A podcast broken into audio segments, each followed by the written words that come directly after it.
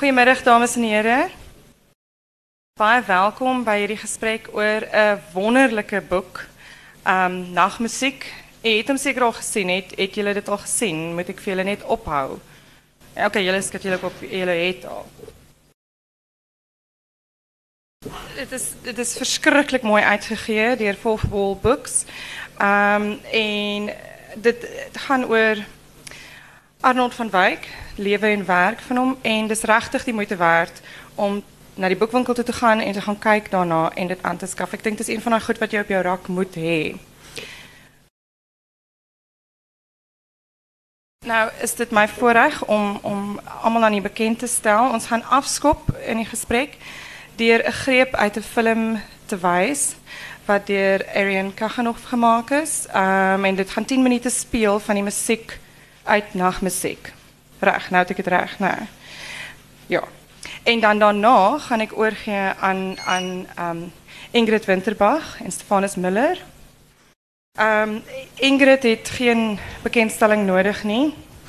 Ek het nou haar gesê ek was 'n student en het my M-tesis op een van haar boeke gedoen en as jy toe vir my gesê dat ek vriende met haar gaan wees, sou ek waarskynlik die floutes of jou uitgelag het. met haar laaste boek, um Aanspraak van levende wesens het sy al wat 'n prys is gewen. Die NB Uitgewers Groot Roman Kompetisie prys, um die WA Hofmeyer prys, die Hertzogprys vir prosa, die Mnet prys en die Universiteit Johannesburg prys. En dan Stefanus Miller is 'n dosent hier aan ons eie Universiteit Stellenbosch. Ehm um, het ook al groot draaie geloop.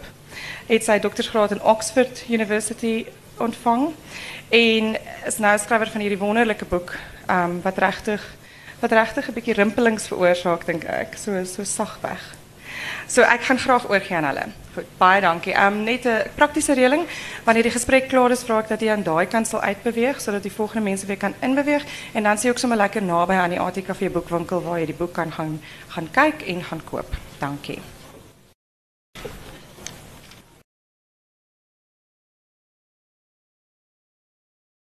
Ehm um, goed, dit was dan ehm um, 'n film filmpie van Arian Kaganov. Dit is een deel van nachtmuziek. Soos gespeeld door Daniel Ben Pinaar. En die beeld, die gezicht is die van van Wijkse, Arnold van Wijkse zwart huishulp uit die Transkei.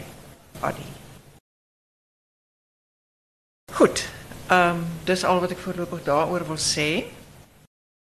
Ik wil dan aanbeweeg naar die boek.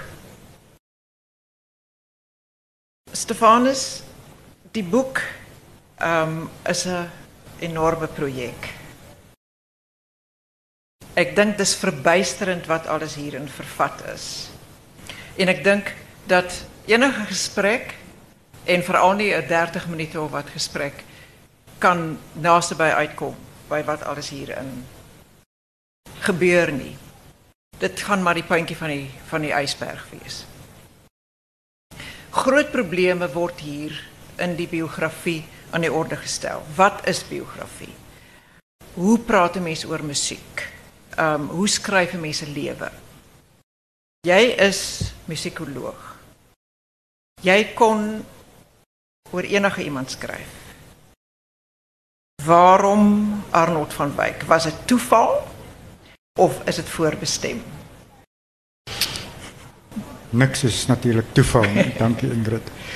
Um, ek is niet zeker ik kan of kon oor enige iets skryf nie. Ek dink eintlik ek's redelik beperk in waaroor ek kan skryf. En uh ek het daai beperkings dink ek as 'n student aan Oxford redelik goed leer ken. Da, daar is uh as 'n akademikus of jy nou 'n musikoloog is of enige ander soort akademikus 'n bepaalde manier hoe 'n spel gespeel kan word binne 'n dissipline. En dis nie so moeilik nie. Ehm um, maar dit is ook uh dis veilig eh, maar dit is nie uh dink ek iets wat sal ek net maar sê ek as 'n Suid-Afrikaanse student daar gevoel het my verskriklik interesseer nie. In Suid-Afrika is ons het ek toegevoel aan die einde van die 90er jare die draai van die eeu Uh as mens ernstig is, as jy baie lief is vir Suid-Afrika, as jy baie lief is vir Afrikaans, dan is jy ook ten diepste gemoeid daarmee om vorms uh en uitdrukkingswyse te soek wat nog nie bestaan nie. Uh dit is bietjie anders as om te sê jy jy speel die akademiese spel soos wat wat ons geleer word om te speel en soos wat ek sê dit uh dit nie so moeilik is om te doen nie. En om 'n biografie te geskryf het oor enigiemand anders, uh sê maar oor 'n buitelandse komponis, sou beteken dit dat mens bepaalde vorms en bepaalde maniere van uitdrukking moes eerbiedig om te kon skryf om die voorreg te kon hê om te skryf oor iemand soos Arnold van Wyk het beteken dat ek kon skryf oor 'n wêreldklas komponis oor wie daar nog baie min gedoen is, so dit het aan my die voorreg gegee om te werk op materiaal wat enorm ryk is um, maar eintlik nog onontgin is. Sodat 'n mens nie die die probleem het dat jy ander mense se patrone eers moet ontdek en verby dit moet stap net die materiaal was redelik onaangeraak. Maar dit het ook vir my die die geleentheid gegee om goed te doen uh om myself te sien as 'n skrywer wat kon werk met die ontwerp van nuwe vorms, met die ontwerp van nuwe maniere van dinge sê, Um, en met die herdink van, van hoe goed belangrijk is en hoe dit belangrijk kan blijven, alhoewel dingen baie verander het. Daar is baie meer opwindende soort goed als die soort goed waarmee academici meestal bezig is. So ek, ek sou sê Arnold van Wyk was 'n was 'n groot geleentheid wat oor my pad gekom het. Goed. Die eerste ding wat my interesseer, natuurlik as 'n romanskrywer, is die ordening van die stof. Ehm um, wijkt af van een conventionele biografie ten opzichte van structuur. Dit is waarvan je nou ook gepraat het, neem ik aan. Dat je ook die vrijheid gehad hebt om met structuur te, te vormen. Maar laat ik, laat, ik, laat ik nou eerst voor jou zeggen. Nou Oké, okay, eerst gauw hoe die drie volumes in elkaar zitten. En dan wil ik je nog verder vragen daarover.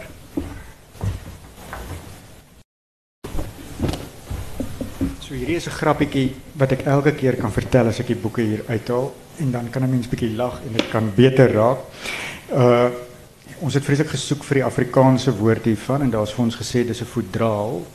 Ehm um, maar dis ook 'n glydoos en 'n glipkoker en 'n glyomhulsel. Ons het besluit ons gaan vir voedraal want ons wil nou nie die verkeerde idee skep oor die soort boek wat ek skryf nie. Uh die boek is in daai voedraal in 3 volumes. Uh die eerste volume in die voedraal kry jy heel agter en dan kry jy 'n tweede dunnerige volumetjie in die middel en dan kry jy die groot blou volume aan die kant. En die interessante ding daarvan is dat as jy die eerste volume sou oopmaak, dan begin hy op bladsy 611. En as jy mooi sal kyk wat binne in hom aangaan, dan sal jy 'n katalogus vind. 'n Groot katalogus van al van Wyk se werk wat hy geskryf het as 'n kind. Van die werk het hy geskryf toe hy hier by Paul Roos was as 'n 15-jarige, 14-jarige. En 'n mens kan die katalogus lees as jy wil, maar ek sou dit nie aanbeveel nie. Ek het vroeër net hier buite die tent het ek my oud Afrikaans onderwyser van Graafrenet gekry en sy is so lief vir my sy het gesê sy het die katalogus gelees. Ehm um, dan kan jy ook die tweede volume is is eindnotas so amper by 900 eindnotas vir die hoofteks en vir die katalogus en twee registers, een register net oor persoonsname en so aan en 'n ander register net vir van Wyk se werke. En dan die derde volume wat begin op bladsy 1 is dan uh die biografie of uh ek noem dit nêrens 'n biografie nie, dis die boek, dis die storie. Uh en dit bestaan uit ek dink ek het getel 98 afdelingkies en daardie afdelings wissel baie. Sommige van hulle is doodgewoon uh, dokumentêre biografie, dit wil sê kronologie wat opgestel is uh, wat bestaan uit aanhalings uit Arnold van Wyk se dagboeke en briewe. En sommige van hulle is akademiese referate en sommige van hulle is uh, besinnings van 'n fiksionele karakter uh Werner Ansbach wat skryf oor die skryf van 'n boek aan Arnold van Wyk. Is dit min of meer wat jy Ja. sê dit alles wat jy wil hê ek moet sê? Ja, ja, ja, ja. Ik ga nou nog een um, beetje verder daarover vragen. Ehm jong, Stefanus, mens moet aan kop hou hier, hoor. ek het gedink ek as leser moet kop hou. Ek weet nie wat jy moes gedoen het nie. Maar goed. Ehm so van die begin af waar 'n konvensionele biografie dan kronologies sou werk. Ja. Uit die staanspoor fragmenteer jy. Asof jy doelbewus samehang wil ondermyn.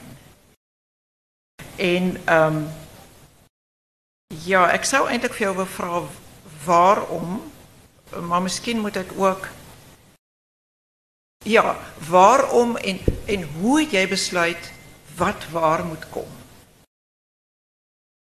Ek het 'n baie groot kaart gehad wat ek in my kantoor opgeplak het. Ehm want ek dink ek het daai fliek A Beautiful Mind gesien en ek het gedink dit laat my so 'n bietjie voel soos Nash.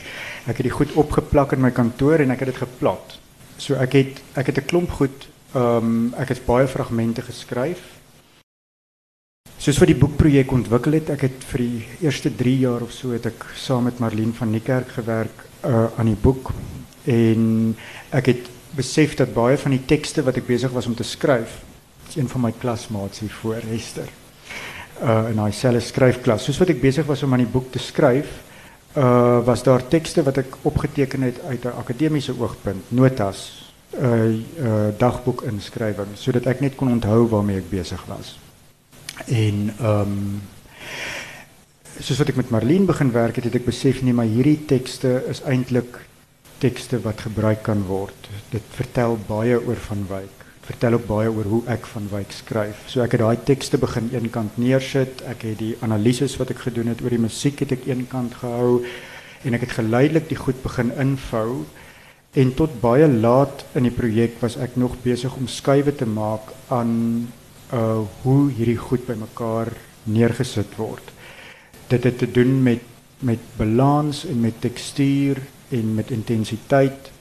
Uh en dit is dit dit ek dink dit was tog een van die moeilikste goed van hierdie projek om om baie klaar te skryf, maar nie tot aan die einde te weet presies hoe lê die goed saam nie. Ek dink ehm um, byvoorbeeld uh die uitgewer Branwen Lawviljoen en Oliver Baaster wat die boek ontwerp het wat baie uh krediet daarvoor verdien. Um, en my vriend Arian Kuygenhof het nog aan die einde baie belangrike ingrepe gemaak oor byvoorbeeld die keuse van visuele materiaal. Want die visuele materiaal het baie bygedra daartoe nog steeds om samehang te skep. So duidelik met 'n boek soos hierdie een van die goed wat jy kan verkeerd kry is jy kan die balans verkeerd kry en dan val alles uitmekaar. En as jy dit net net reg kry, uh dan het jy iets wat saamhang maar op 'n baie los manier wat beteken die goed skuif redelik gemaklik los van mekaar verby en langs mekaar sodat daar heelwat invulling kan plaasvind. Maar as die fragmente te groot is natuurlik, dan het jy dit verkeerd gekry. Ek het baie keer gewonder of jy dit nie gekomponeer het nie. Dis musiek. Dis 'n As jy- baie mooi ding om te sê. Baie dankie. Want as jy nou Ja. praat van tekstuur en tempowisseling Ja. en jy weet, Dis 'n baie baie dankie dat jy dit sê. Ek die die ek dink daar is verskillende maniere seker eh, almal skryf seker op 'n ander manier, maar vir die die tekste wat ek gewoond is om mee te werk is musikale tekste. ja, En die kriteria vir daai musikale tekste om vir my sin te maak is word of ek maak sin daarvan in parameters wat ek grootendeels as musikaal sien. ja, So wanneer ek praat van balans en tekstuur en Ja. intensiteit en en selfs die toonduurte van visuele beelde wat moet oordra na ander Ja. be- beelde toe, dan is daai beskouing van hoe die teks werk is 'n is 'n audit, auditiewe soort ja, verstaan. ja. Goed, ehm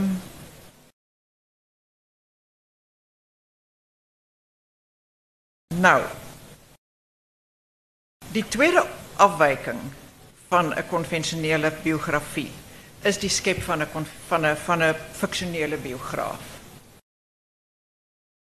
Die ehm die leser word as ware begelei deur die skryf van die biografie. Ja. Nou, wil ik jou eerstens vragen, het Ansbach geleidelijk vorm geneem, soos jy geskryf het, of het hy homself aangemeld, volledig gekleed, met striktas en zakdoek? Nee, ja, ek sien jy jy's nou 'n en ek weet jy praat so, maar Maar as 'n uh, ek weet nie daai ding, ek het baie daarmee gesukkel. Die nee, hy het hom nie by my aangemeld nie. Die probleem was 'n tegniese probleem. Dit was hierdie probleem van samehang. So so as jy as wil fragmenteer, maar jy wil terselfdertyd probeer ehm um, jy wil nie dekonstrueer aan hierdie ding nie. Want onthou nou een ek het aan die begin gesê een van die wonderlike goed om hierdie materiaal te werk was dat ek eintlik die eerste persoon was wat daarop kon werk en dit het beteken ek het 'n sekere verantwoordelikheid gevoel oor my materiaal en oor Arnold van Wyk. En alhoewel dit 'n sekere soort spel is om net te dekonstrueer en miskien vir my goed sou wees, sou dit miskien minder goed wees vir Arnold van Wyk. Ek weet nie. Maar die die uitdaging om samehang te kry was 'n uitdaging omdat ek gehoop het gewone mense gaan hierdie boek lees, nie net akademici nie. En hoe kry jy dan die samehang? So Marlene het my baie gehelp. Sy het vir my die deur oopgemaak na die idee van dat dat fiksie dit sou kon doen. Uh en ek moet eerlikwaar sê in die begin het sy my geweldig baie uh, gehelp om daardie fiksie te ontwerp want ek is nie 'n fiksieskrywer nie en ek het dit tot op daai stadium nie die selfvertroue gehad om dit te doen nie en het dit ook nie gedoen nie. Ek het wel verstaan as 'n geskiedenisskrywer, as 'n musiekgeskiedenisskrywer dat die werk wat ek doen is fiksie. Dat musiekgeskiedenis 'n soort fiksie is. Dit het ek wel verstaan. Ek het net gedink ek is 'n spesifieke soort fiksieskrywer. Ek is die soort fiksieskrywer wat jy 'n akademikus noem. Maar Marlene het my gehelp om te ontdek dat ek is, ek kan ook 'n ander die ander soort fiksieskrywer wees uh en en aanvanklik het sy my gehelp om die om aanspag te ontwerp. So daai was het ek in retrospek het ek gedink was 'n baie 19de eeuse soort ontwerp vir aanspag. Uh as ek vandag moes dit weer 'n keer dit aanpak, dan sou ek miskien um dit baie meer gestroop doen. Maar ek het baie min geweet en ek het ek ek het baie daaruit kon leer. So so wat aanspag is was 'n was 'n ontwerpte oplossing vir 'n probleem van vir van samehang. Goed. Maar dit is nou ook so dat so dink jy mense ja, dit voel vir my asof die verhaal van van Wyk ingebed is of geraam word deur die verhaal van die fiksionele biograaf want dit hmm. begin met die fiksionele biograaf biograaf en dit eindig met hom. So wat jy hier kry is 'n baie komplekse verweefdheid tussen waarheid, tussen werklikheid en fiksie. Trouwens, so verweef is dit en so ver gaan jy dat in tydskelet 1 word Ansbach se biografiese besonderhede naadloos ingevoeg by Nolsen. Daar word gesê in 1938 dink ek word Ansbach se pa gebore, in 1942 word sy ma gebore. In 1970 word Ansbach gebore. En dan in die tijdskelet 1983, waar Arnold van Wyk dood is, in diezelfde paragraaf gaan dit oor. Daar wordt net gezegd dat die brief is nooit gepost nie. In daardie jaar is Ansbach in 5 en iemand noem hom 'n 'n moffie. Daar was 'n duidelike skakel, maar dit is 'n absolute naatlose, soemlose oorgang. Ja. Ehm um, wat eintlik Goed, jy het gesê waarom 'n fiksionele biograaf dat dit samehang gee. Maar goed. Waarom wat bereik jy met 'n fiksionele biograaf wat die intrede van Stefanus Miller as biograaf wat jy nie daarmee kon bereik nie?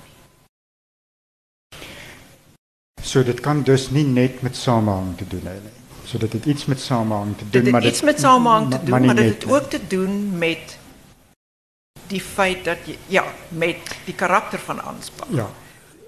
En dit en dis die wonderlike ontdekking dan van fiksie as net 'n uh, effens meer geïntensifiseerde vorm van die soort fiksies wat ons skryf wanneer ons geskiedenis skryf.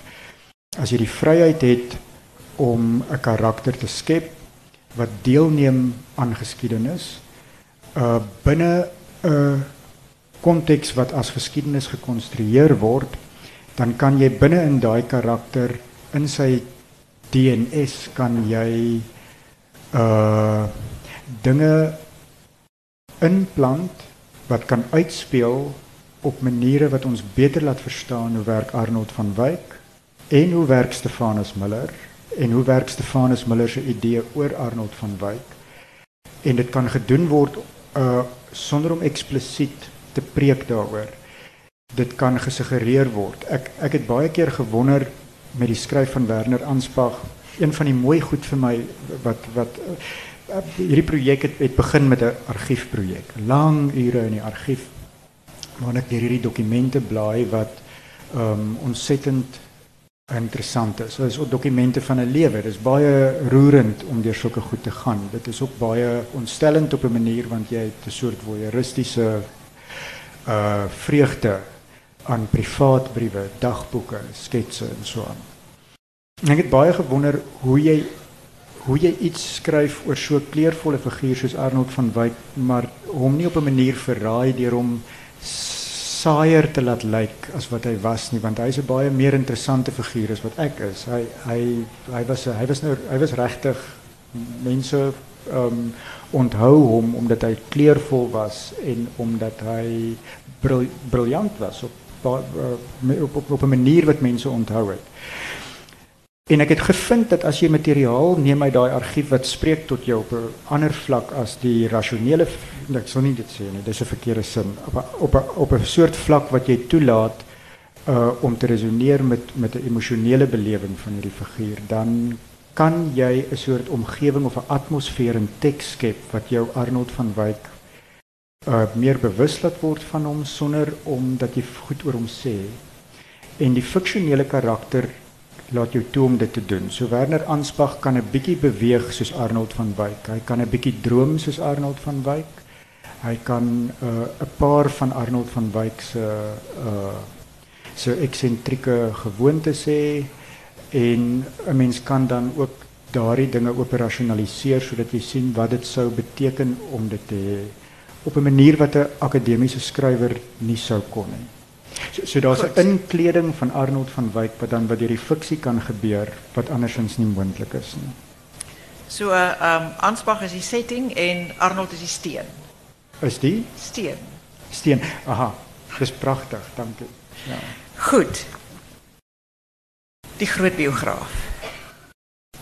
Ehm um, Werner Ansbach en die groot biograaf sit saam in die ondergrondse dokumentasiesentrum Hulle sit soos molle. Nou molle is 'n deurlopende motief. Mens sou dit ook kon noem die ambivalensie van molle. Goed. Hier is 'n ontsettende mooi beeld of sin. Ansbach sê wanneer hy met die wanneer hy uh, jammer, wanneer hy met my werk terwyl ons bedags werk. En dit is nie dikwels nie dit zeker wanneer hij met mij praat. Jammer, ja. is jammer, jammer. Wanneer, dit is nou die groot biograaf. Wanneer hij met mij praat, terwijl ons bedags werk, en dit is niet dikwijls niet, is het soos die stem Gods wat tot mij komt. In die baarmoeder. Nou, ek het hierdie, mense het hierdie, hierdie ongelooflike beeld, né, van hierdie luisterende Ansbach in die baarmoeder en dan hierdie stem van God. Goed. Die groot biograaf is daar. Ek lees dit as 'n 'n 'n voortdurende en 'n lewende vergestalting van konvensie. Soos dit moet gedoen word. En hy waarsku ook dan vir Ansbach, hy sê jy sluit niks in in 'n biografie wat die onderwerp se privaatheid skend nie. Net dit wat van belang is om die werk beter te verstaan. En dan is Ansbach zijn antwoord natuurlijk. Um, dat er niks verzwijgd wordt over die feit dat Van Wyk gay is niet. Daar wordt uh, masturbasiekaart gegee. Daar word helemaal nie weggeskram van enige iets wat die subjek of in hierdie geval subjekte kan ontluister nie. Daar is 'n gruwelike insident van Erolagnia. Daar is die ontering van Ansbach se anus. Al hierdie dinge, met ander woorde daar word Ansbach antwoord hierdie stem van God wat sê beskerm privaatheid en hy antwoord dit met grensoorskriding. Is grensoorskriding hier 'n soort doelbewuste strategie? Ja. Dit is onmoontlik om in Suid-Afrika te werk met die soort materiaal waarmee ek werk en jouself gedienstig te stel aan die grense wat gestel word deur die stem Gods. Uh die film wat nou gewys het uh het die titel ehm uh, Nagmusiek is skending en die aanhaling wat Arian daar gebruik het was 'n aanhaling van Naipool wat sê dat uh dat in die skaduwee uh van apartheid dat ehm um, ek kan die aanhaling nie goed onthou nie maar dit dit kom wel daarop neer dat diegene wat uh in die uh daaraan deelgeneem het of op 'n manier daaraan uh baat vind uh daaraan niks kan doen tensy hulle 'n uh, baie integrale deel van hulle self skend nie. Die skending in die boek loop op baie verskillende vlakke. Dit uh ek skend my eie privaatheid, ek skend van wyk se privaatheid. Ek skend die dissiplinêre reëls wat geld vir hierdie soort boek. Ehm um, ek skend die in daai dissiplinêre reëls die verstandhouding uh dat dat ons sekere soorte feite nodig het net om met mekaar te kan kommunikeer. Ek wys dit van die hand. Ek probeer 'n ander soort kommunikasie daarstel en die fiksie help daarvoor. Maar ek kan kortliks sê ek dink dit is 'n dis 'n boek van doelbewuste grensoorskriding en ek dit was miskien die een ding wat my die oudste gemaak het aan die 13 jaar wat ek gewerk het aan die boek want ek is nie iemand wat gemaklik kom met grensoorskriding nie. M maar ek het 'n baie definitiewe idee dat om enigsins te werk as 'n akademikus, enigsins te werk as 'n kreatiewe persoon in Suid-Afrika as jy dit nie doen nie, as jy nie daai ding aanvaar nie, uh, dan is dan het jy 'n probleem. Ek ek sou dit nie kon doen nie. Ek ek ek ek is spesieus oor daai soort gemak. Het dit ook 'n bietjie te doen met Adorno wat sê dat kultuur is eintlik konvensioneel en behoudend en kuns is konfronterend. Ja, so ek ek het op 'n stadium vreeslik baie Adorno gelees. Ek kan natuurlik baie min daarvan onthou, maar ek vermoed ek het dit baie ehm um, ek het dit baie geïnternaliseer sodat ek dit nou geleidelik uitsweet hier in Stellenbosch. Maar ek dink daar is 'n daar's beslis daai idee van hom dat dat dat kultuur 'n stagnante uh kommersiële verhandelbare dooie ondialektiese ding is en dat kuns uh altyd oor grense tree, altyd ongemaklik is, altyd uh, verder druk as wat wat ons dink dit dit behoorlik is, dink ek het ek deel gemaak van of of of is in die begin in hierdie projek in uh, geprogrammeer. Ons het nog 10 minute oor en ek is eintlik seker veronderstel om die gehoor kans te gee, maar ek het eintlik nog vrae. So kan ek maar kan ek maar aangaan. Absoluut. Okay, goed. Ehm um, omdat ons so min tyd het, gaan ek net twee van die vrae noem waaroor ek sou sou wou gepraat het. Ek sou graag wou praat oor die Graanstad se lesing. Gewoon omdat ek dink dat dit die ek dink dit is die die diskursieve onderpinning of van die ondersteuning van die biografie. So, maar ek dink dit is dit dit ek graag wil praat. Kan ek En- miskien net een ding sê wat Ja. interessant is daaroor? Ja. Daai lesing in Gramstad is 'n lesing wat ek werklik gaan lewer het. Ja. Maar ek het die dit is ek's baie trots daarop. Ek het die lesing gaan lewer as Werner Ansbach.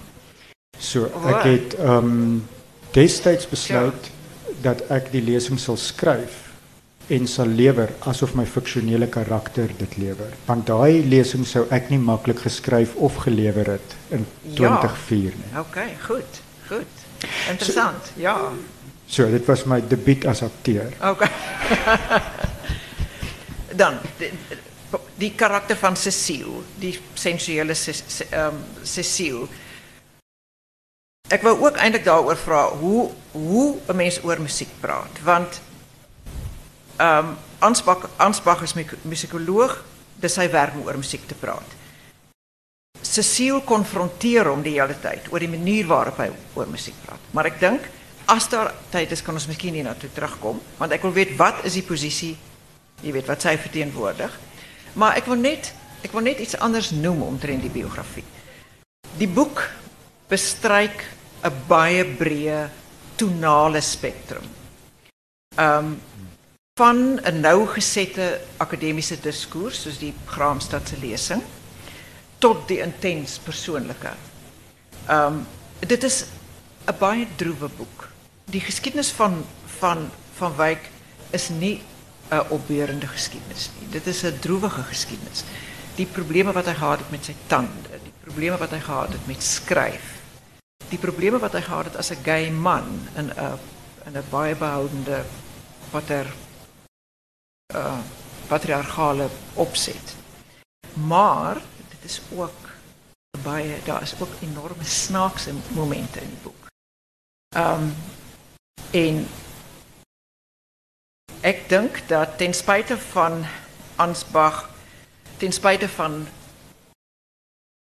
van sy geskendheid, van sy vernedering, van hoe hoe hy voorgestel word, is daar tog is daar tog is is tog eintlik dink ek 'n baie selfironiserende stem. En ek dink dit is wat dit wat dit snaaks maak en ek wil net ek wil net iets lees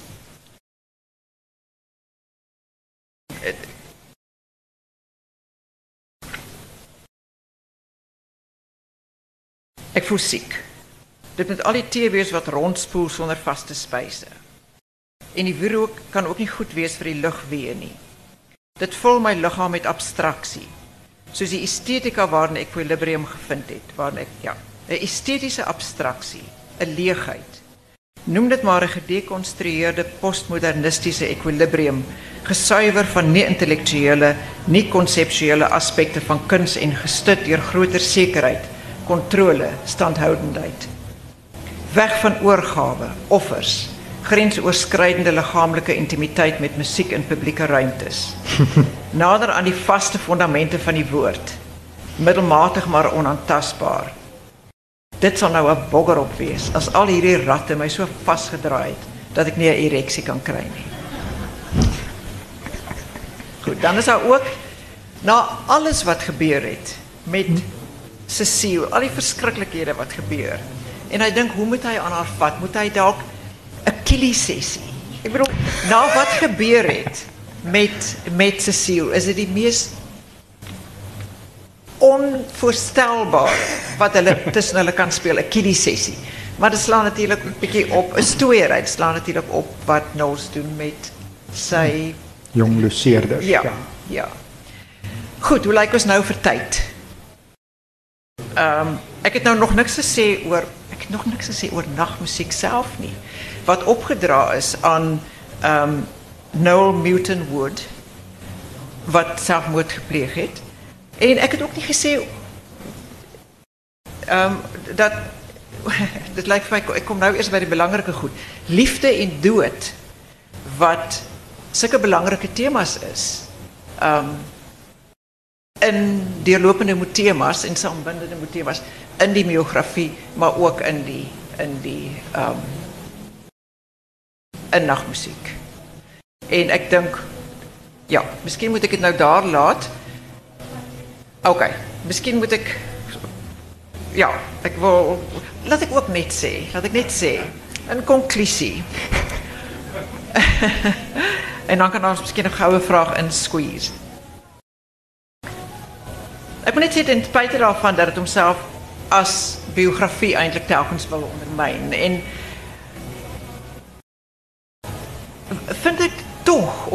dat dit vir my teen die einde 'n baie duidelike sens gee van Arnold van Wyk se lewe, die biografie. En ek dink dat jy veel gewaag het, Stefanus, en veel gewen het. Baie dankie Ingrid. Dis 'n die beste ding wat jy vir my kan sê. Dit is wat ek gehoop het. Uh soort eksperiment sou kan doen. Ek het 'n paar mense, maar nou moet ek sê ongelukkig my ma onder hulle het gesê hulle voel ook ek het baie gewen met hierdie boek veral deur dit klaar te maak. Ehm um, maar die die idee dat ons dat ons iets van iemand uit die geskiedenis kan leer ken deur al die feite op die tafel te sit is natuurlik 'n uh, to, totale waansinnige idee. En ek sou graag wou wou sien dat dat meer gewaagde soort maniere van om hierdie historiese figure te gaan ontmoet ander kan die dood.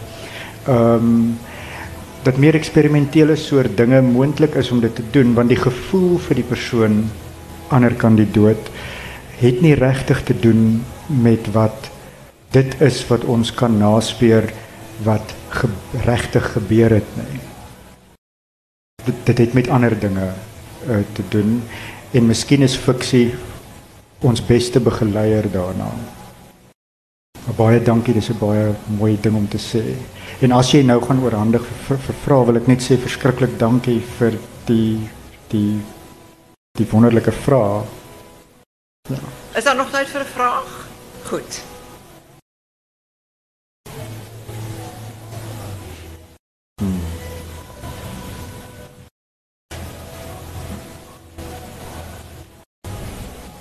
Daar sien ek is 'n vraag. Daar's twee vrae lyk like my. Ja, ek wil ehm um, miskien net 'n bietjie oor Nol self praat want ek weet nie eintlik lekker hoe mense moet dink oor sy oeuvre en hoe hy gewerk het en waarvoor jy weet 'n mens musikaal aan hom kan dink nie. Miskien wil Stefanus net vir ons 'n bietjie agtergrond gee oor die musikale hoogtepunte van ons se se oeuvre. Hy was 'n seentjie wat groot geword het in Calvinia en hy het eintlik geweet hoe musiek werk voor enigiemand vir hom gewys het hoe dit werk. So hy was daai soort talent. Uh hy's nie geleer om goed te wees nie. Uh hy het hier op Paul Roos skool gegaan. Hy het reeds hier 'n klomp stukkies geskryf. Hy het saam met Guido Perel destyds gespeel en met Hans Holleman, die skrywer van Die Swerftog van die Helena en die Onterftes en so aan. Uh Holleman was die violis in daai trio. En uh hy het in 38 is hy Londen toe op 'n beurs. Die oorlog het hom daar vasgevang so hy kon hy's vir 6 jaar daar vas gewees. Maar dit was ook die beste tye van sy skepende loopbaan. Hy het met belangrike mense gemeng. Vaughan Williams en Howard Ferguson Gerald Finzi. En ek dink hy het 'n sin gekry vir homself as 'n skepende kunstenaar daar. Ek dink hy hy het besef hy's waarskynlik beter as al hierdie komponiste nie dat dit 'n kompetisie is nie maar hy was eenvoudig hy was 'n hoër uh, hy was 'n hy was beter talent. Hy het teruggekom Suid-Afrika toe in 46 by uh Kaapstad begin werk in 1960 by Stellenbosch begin werk. Sy eerste groot werk was sy eerste simfonie wat hy in Engeland geskryf het in 1943, is 'n pragtige werk. Hy het nog twee simfonieë geskryf in 52 en in 1961. Hy is baie bekend vir hierdie stuk nagmusiek um, maar ook vir die sangsiklus wat hy op tekste van van Wyk Lou geskryf het van liefde en verlatenheid. Uh, nie al die werk is ewe goed nie, maar die beste werk is regtig besonder goed. Dis van wêreldgehalte. Ehm um, ek hoop dit gee so 'n idee van hom. Ek dink daar was nog 'n vraag. Ja, dankie. Ehm um, nou dat jy gepraat het van die fragmentering, het ek gesit en wonder ehm um, wat wanneer waar jy besluit om te sny op op grond waarvan fragmenteer jy en waar het jy die snitte gemaak want ek bedoel soos in 'n film waar jy die ding sny na die volgende toneel is tog krities belangrik vir wat jy uiteindelik wil sê het jy sekere kriteria gehad of was dit uh, vanselfsprekend of intuïtief of wat Ja, dit was baie moeilik. So die die die die fragmente soos wat hulle hier staan was baie deeglik beplan. So daar's 'n daar's 'n onderliggende struktuur aan hierdie fragmente wat toe ek begin skryf het het die fragmente in die titels gehad nie. Hulle het ek het hulle genommer Mimese 1, Mimese 2 of Mimese 3. En elkeen van daai fragmente het 'n vlak van Mimese voorgestel en ek het uiteindelik toe ek die balansering begin doen het die vlakke van Mimese, met ander woorde die vlakke hoe die ding in wegstaan van geskiedenis in die rigting van fiksie. Ek het dit gekalibreer. En toe het ek daai uh daai steierwerk het ek weggeslaan en toe met die tekste wat oorgebly het, daar het ek baie meer intuïtief te werk gegaan. So die mens kan amper sê die laaste fine tuning was 'n was 'n meer intuïtiewe ding. En daar ek ook was ek ook baie aangewese daarop dat mense wat lees vir my sê hulle dink ek ek skryf verby, ek sê te veel, ek sê dit ek sê dit reeds op 'n ander plek. Ek iets ja daar daar sê baie aangewese op hulp. Ek dink ons tyd is verstreke. Dankie. Baie baie dankie Ingrid. Waardeer dit.